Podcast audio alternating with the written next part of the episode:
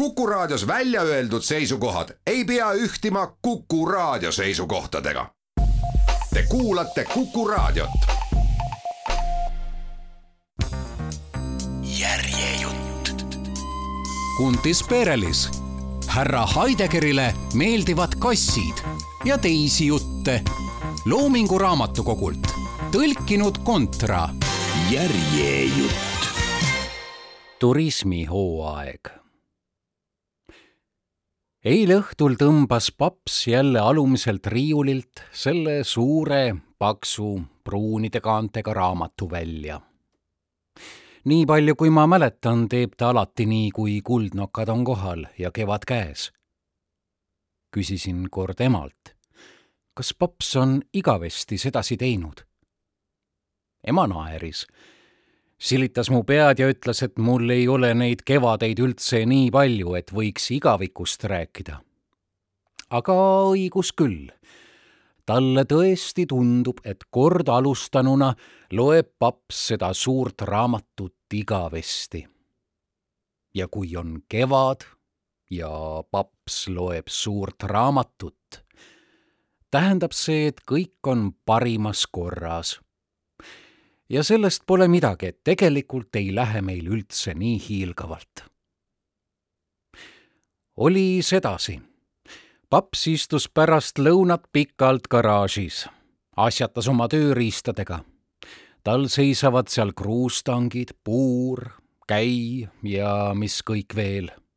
ja küllap ta jälle remontis midagi, mingit vana laualampi, mikserit või kes teab mida aga memm muutub sellistel puhkudel pahuraks ja ütleb, et lihtsam oleks ju uus osta. Need ajad on ammu möödas, kui oli vaja remontida ja üleüldse, tegelikult see vana orikas ainult laaberdab seal terve õhtu.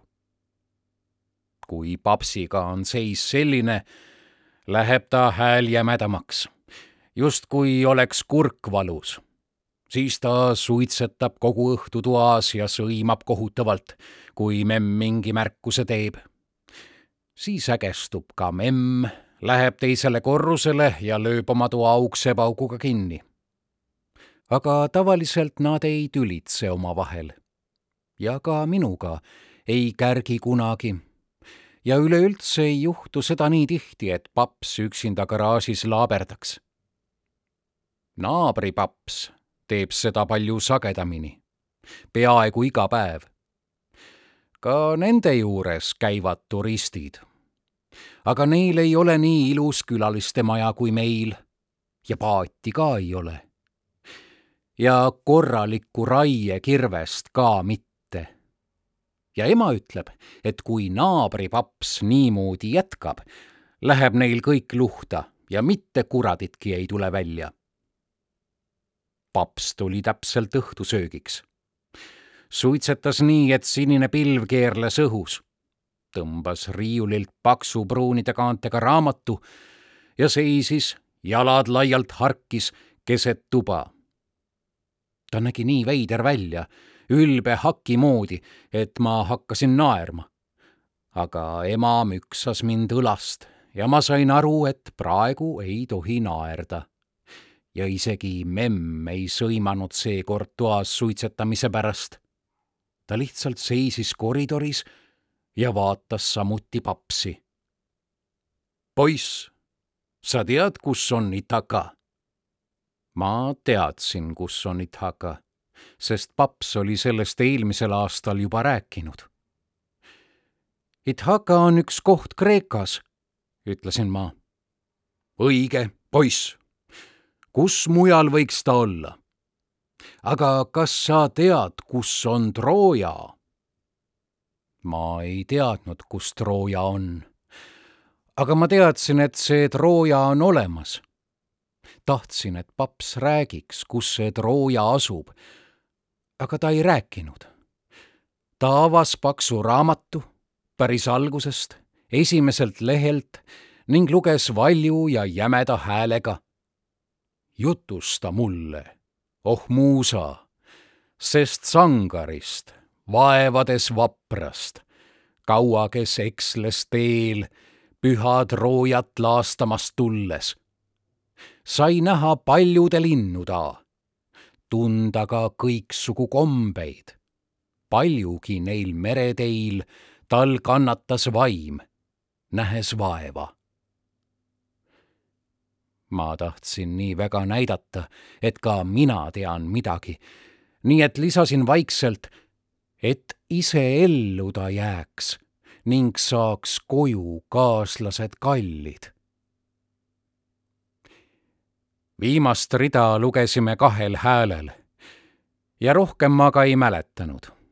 aga paps katkestas lugemise ja vaatas mind suure imetlusega. no poiss nüüd sa küll üllatad mind. vist oled varsti juba suur.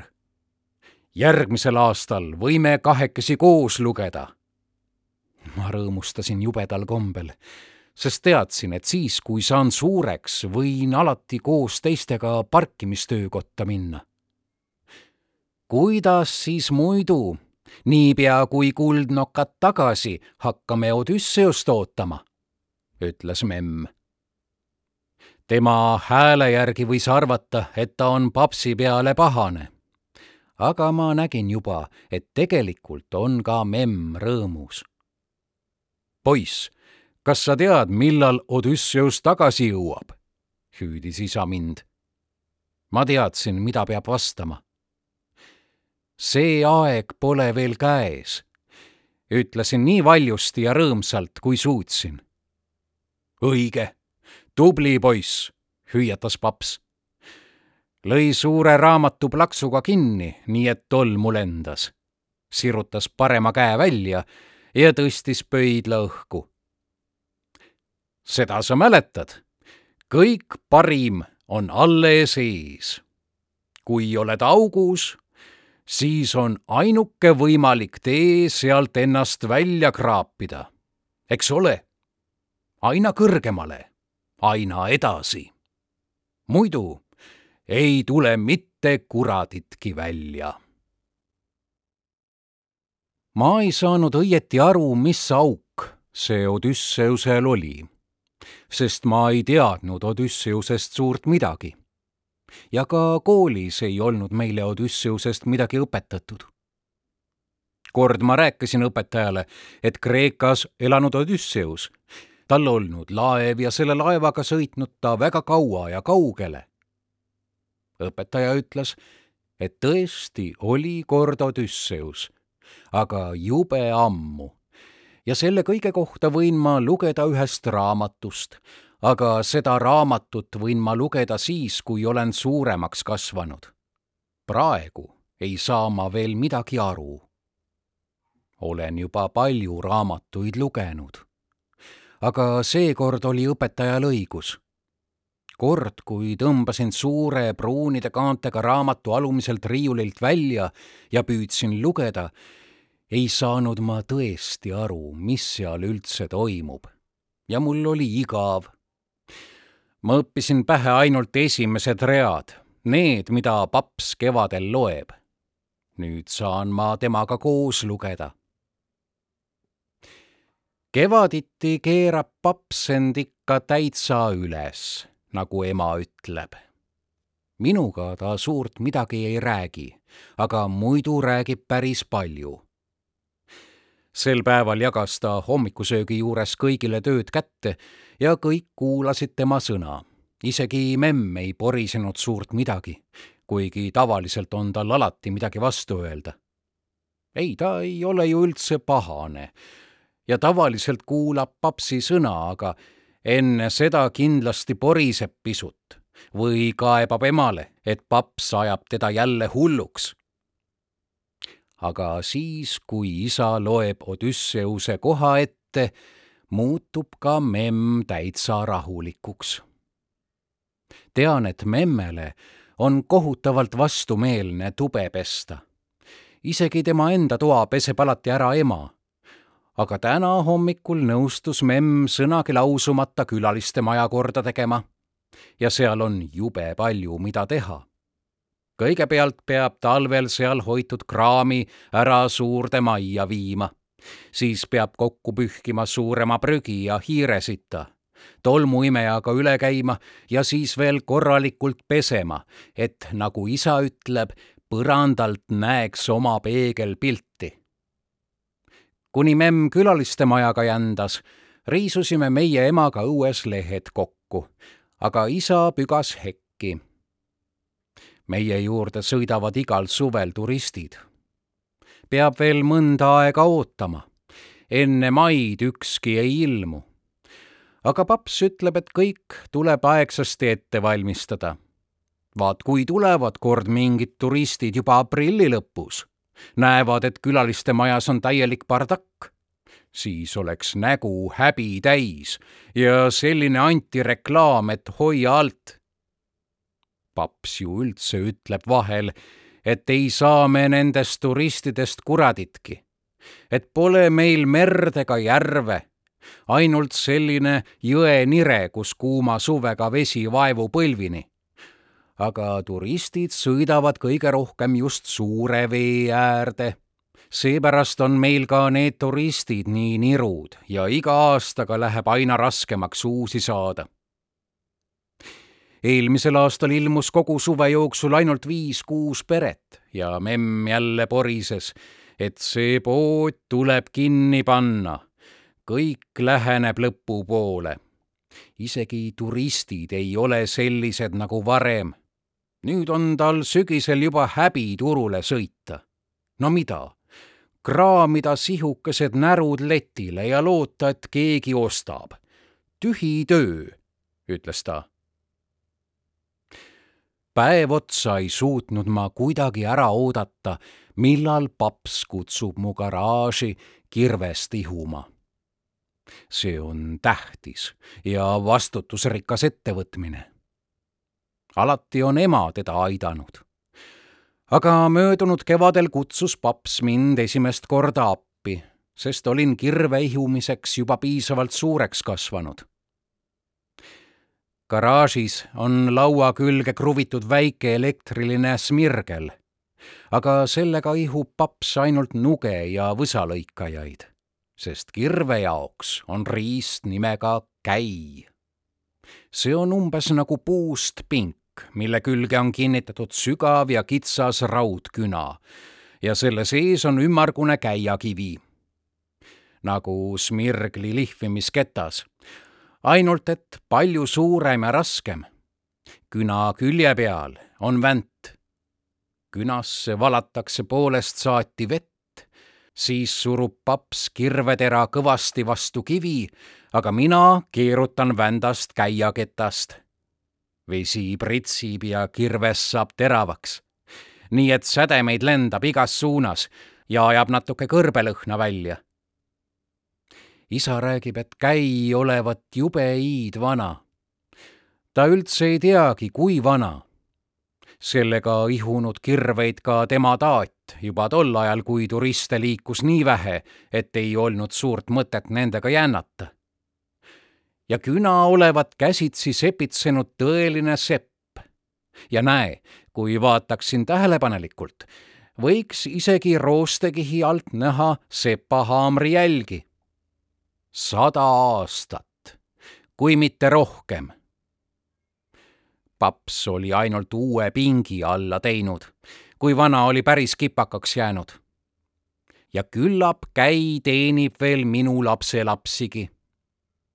Selliseid asju osatud vanal ajal teha, teenivad igavesti.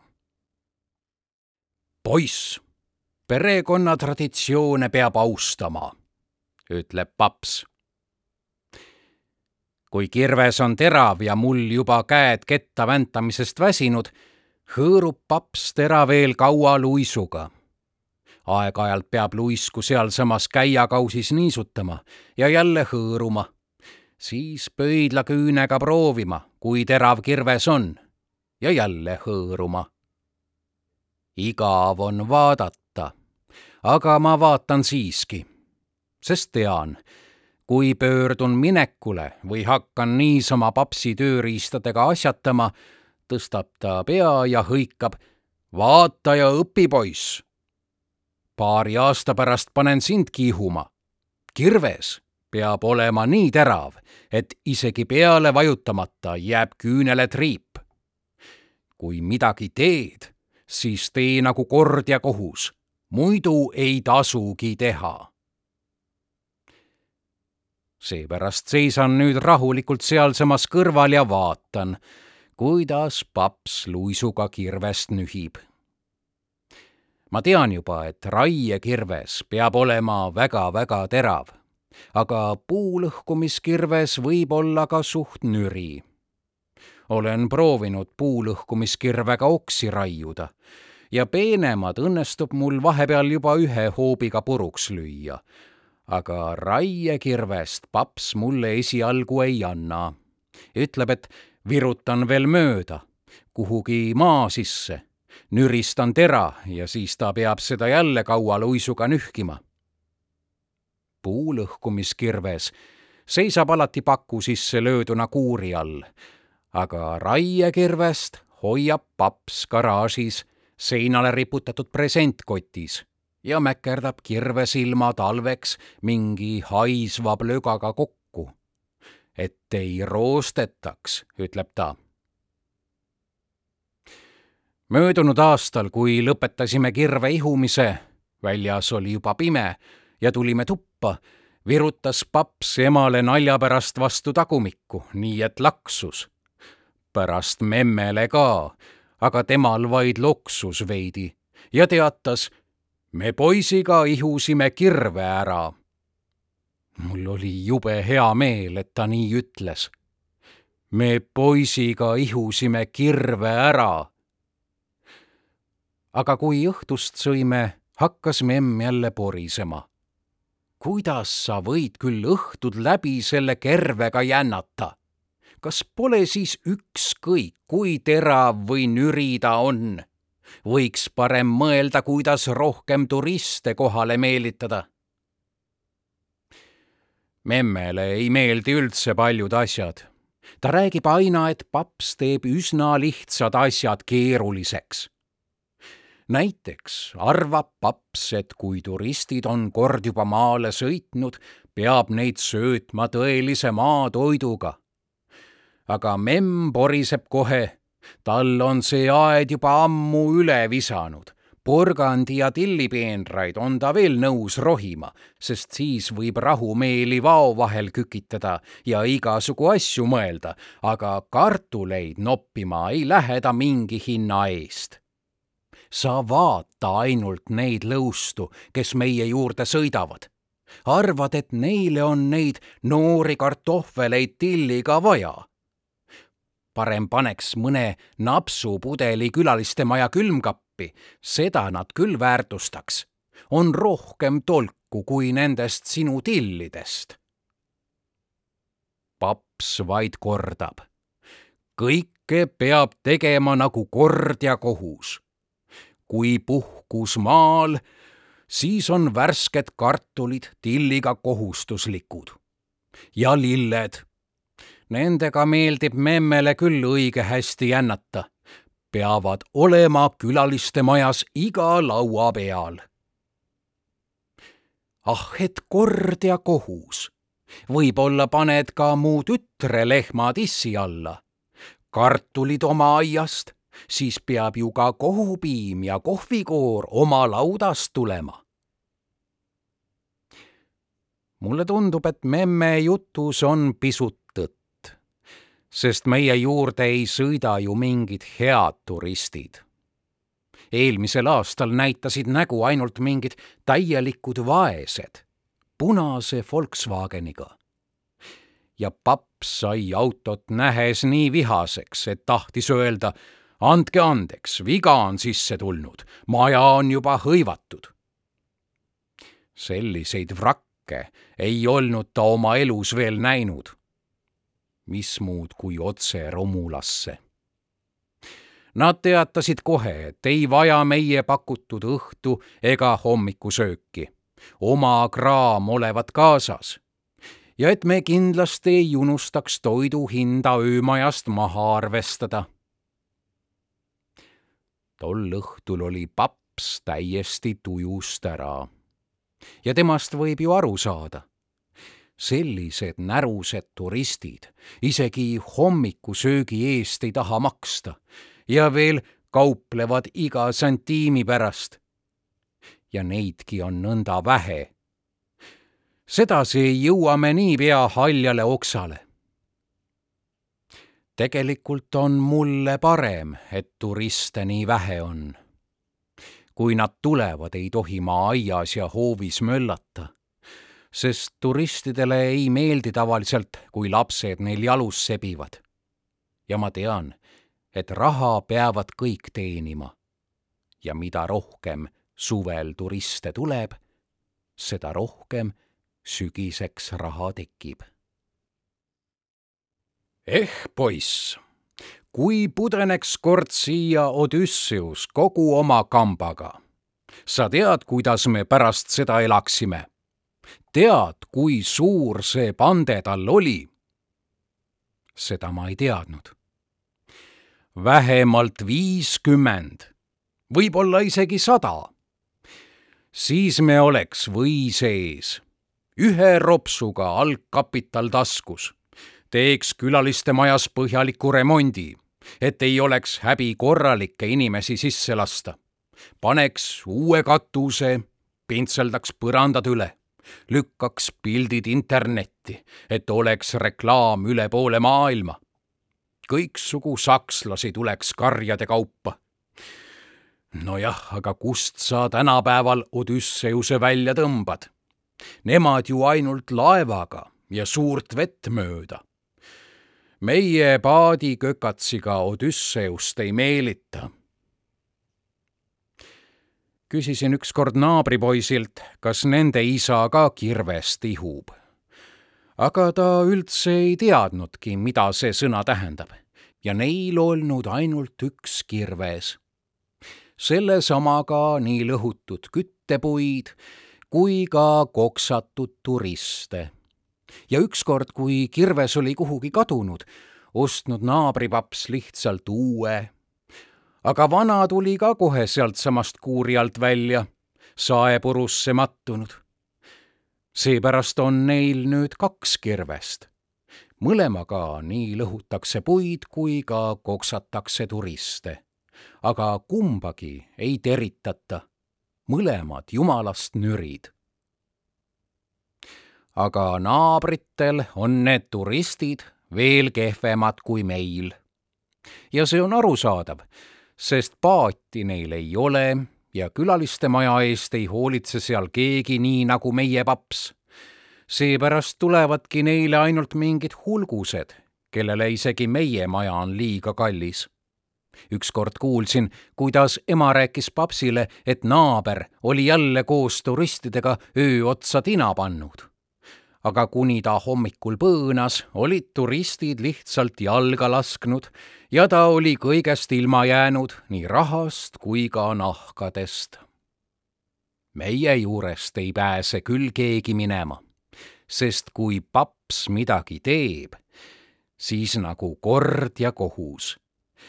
ja turistidega koos tina ei pane ta kunagi. viimasel hommikul ei ärka ükski turist. kõik on juba parkimistöökojas laua peal. aga nende turistinahkadega läheb meil küll üsna kehvasti.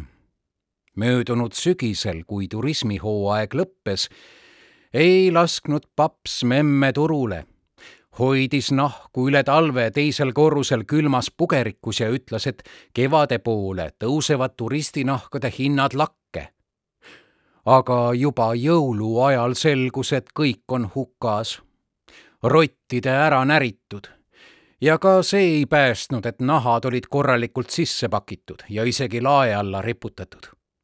ei tea, kuidas rotid neile ligi said. kuidas memm küll pärast seda papsi peale karjus. paps hoidis end vaos, hoidis, aga pärast seda hakkas vastu lõugama memm oleks võinud ju ise oma tagumikku liigutada minna nahatöötlemise kursustele ja siis võiks valmistada turistinahkadest igasuguseid suveniire ja laste mänguasju. Need on alati kõrges hinnas. Riia vanalinnas välismaalased lausa rebivad käte vahelt. papsil oli tegelikult õigus, sest memm liigutab tõesti vähe tagumikku talvel istub terve päeva üleval toas ja loeb raamatuid ning alla tuleb ainult õhtust sööma ja televiisorit vaatama. ema on raamatukogu hoidja. ta veab memmele pidevalt raamatuid. memm muudkui loeb ja loeb, ema muudkui veab ja veab. aga kui ta ei veaks, ei oleks memmel, mida lugeda ja võib-olla hakkaks ta tõesti tagumikku liigutama. ja veel tundub mulle, et oleks jube tore, kui memm valmistaks turistinahkadest mänguasju. küllap ei müüdaks kõiki maha, jääks mõni mulle ka. muidu ei osta ema kunagi midagi sellist ja kui ma palun, ütleb, et meil on igal sügisel majanahku täis päris hull, kui veel juurde ostaks. aga ta ei saa aru, et mulle ei ole neid turistinahku üldse vaja. ma tahan ainult, et oleks mõni nendest tehtud mänguasi. ja tegelikult ei ole meil neid nahku üldse nii palju. memmel kolm-neli korda turule sõita ja kõik. novembriks juba otsas ma ei jõua neid korralikult ülegi vaadata. Nendel vaestel, kes tulid lääpas Volkswageniga ja ei tahtnud meie toidu eest maksta, oli poiss, paras kirp, minust veel pisem. kui ta oli juba parkimistöökojas laua peal, kutsus paps mind esimest korda nülgimise juurde varem tohtisin ma ainult pärast nülgimist lauda pesta. aga ka seekord ei lubanud veel aidata. ma ju tean küll, üks viltu lõige ja nahk on rikutud ning hukas. ma ainult vaadaku ja õppigu, kuidas seda asja tehakse poiss, kas sa tead, kuidas Odüsseus lambaid nülgis? Ma ei teadnud, kuidas Odüsseus lambaid nülgis. vaata, Odüsseusel oli vaja palju lambanahku, et valmistada selliseid kotte, milles kuumal lõunamaal reisides vett ja veini kaasas kanda. seepärast pidi naha kindlasti nii maha tõmbama, et tekiks võimalikult vähe vigastusi katki nüsitud ja pärast kokku õmmeldud lambanahk laseb ju vett läbi, eks ole. seepärast tegi Odüsseus nii. tark mees, müts maha tema ees. kõigepealt lõikas ta ära ainult lambajala otsa. ma ei tea, kas esi- või tagajala, aga see pole tähtis. pärast seda puhus ta sellest jalaaugust nii kõvasti õhku sisse, et nahk tuli natuke liha küljest lahti. siis voltis ta seda nahka natuke üles, lõikas jala otsa ära ja puhus veel kord. kui vaja, aitas natuke noaga kaasa. nii tõmbas ta tasapisi lambal kogu naha maha. õigemini sai ta lamba naha seest välja ja tuli midagi valmis kotitaolist millel oli vaja veel ainult suu, silmade ja tagumiku augud kinni õmmelda, aga kitsast august ära lõigatud jala kohal oli hullult mugav juua, nagu voolikust. ja seal on veel üks tarkus. vanal oinal on nahk nii tugevalt ihu külge kasvanud, et seal jäävad isegi Odüsseuse kopsud nõrgaks, et seda maha saada seepärast tegi ta kotte alati vastsündinud tallede nahast. paps oli mõelnud Odüsseuse retsepti kasutada jõnglase nülgimisel. ma ei tea, võib-olla tahtis ta pärast teha kotti. võib-olla Topise või midagi muud. Mulle tundub, et turistipoisi Topise eest võiks välismaalaste käest kindlasti kõva raha saada. ta lõikas poisil nimetissõrme maha ja puhus. siis ma hakkasin küll peaaegu oksele ei võinud ju teada, mis kõntsa sees see jõnglane oli päev otsa püherdanud. mina nii ei suudaks, tõsi jutt. Aga paps muudkui puhus ja puhus, silmad punnis ja näost punane. ja mul tuli hirm peale, et tal lipsab peer välja ja asi läheb jamaks, sest memmele ei meeldi sellised asjad sugugi aga kui kõvasti ta ka ei puhunud, nahk ei tahtnud mingi hinna eest liha küljest lahti tulla. Paps lõikas poisil pöidla ära ja proovis veel kord. ei midagi. siis tuli paps mõttele, et ehk on kogu tarkus selles, et peab alustama tagajalast lõikas ära suure varba ja puhus uuesti, aga mul hakkas jälle halb. ma ei võtaks mingi hinna eest võõra poisi suurt varvast suhu. Siiski ei tulnud papsil ka seekord midagi välja. ta mäkerdas ainult näo verega kokku. siis paps sülitas, muutus morniks sest seekord ei õnnestunud tal kõike nagu kord ja kohus teha ja ütles, et inimesel vist ikka ei ole samasugune kehaehitus nagu lambal. ja nülgis selle jõnglase, nagu meil ikka tavaliselt on kombeks turiste nülgida. mulle küll tundub, et papsil ei ole lihtsalt nii tugevad kopsud nagu Odüsseusel.